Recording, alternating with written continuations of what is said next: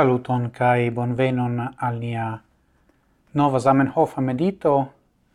Citiu estas la vendreda medito kai mi estas en mia laborchambro kai kai attendas eh, sen pazienza la comenzon de la semajnfino. Bone. Do hodiau mi volas legi kun vi kai mediti kun vi sur uh, texto quio originale estis en la russa.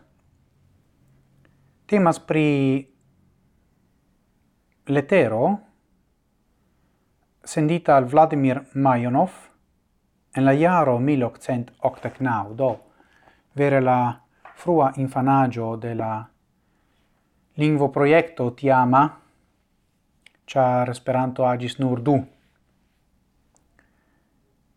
Estimata amico, plenumante vian desiron, mi scribas al vi tiun ci leteron russe, porche vi havu eblezon en ocaso de besono, montre gin al neconata de mi persono, ce ciu vi esperas trovi subtenon por nia afero.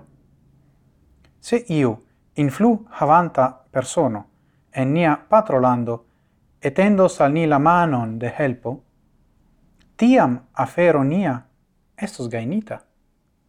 Sed, encontravo caso, ni devos ancora longe batali contra grandegai baroi. Cai cius sias, ciu sufficios ce ni fortoi por el teni tion ci batalon. Do, mi electis citiun el tiron, char ne facilas teni la esperon.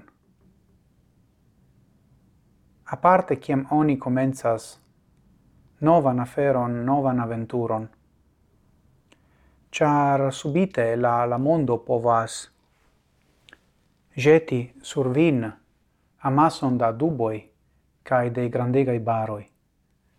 Sed, trovi manon de helpo, construi reton de subtenantoi por subteni vin kiam la espero riscas fali. Tio la mia estas la antidoto, se vi volas. Kai Do, shaina al tiu mano de helpo, kiu etendas sin, iras crom, preter la grandegai baroi, pri kiu parolas Zamenhof. Kai mi pensas che i vorto i estas tre actualai non tempe. La situazio malfacilas en multae parto de la mondo, inclusive de Amsterdamo. Kai do, mi volas preni ĉi vorto in de espero. Char espero ne signifas naiveco. Do, oni scias, che duboi alvenas, che ne cio estos facila kai glata. Tamen, valoras la penon, iri antauen, sen fine. Do, ni prenu spiron el eh, cetiui vortoi. Coran dankon por vi antento cae gis morgau cae denove antauen sen fine.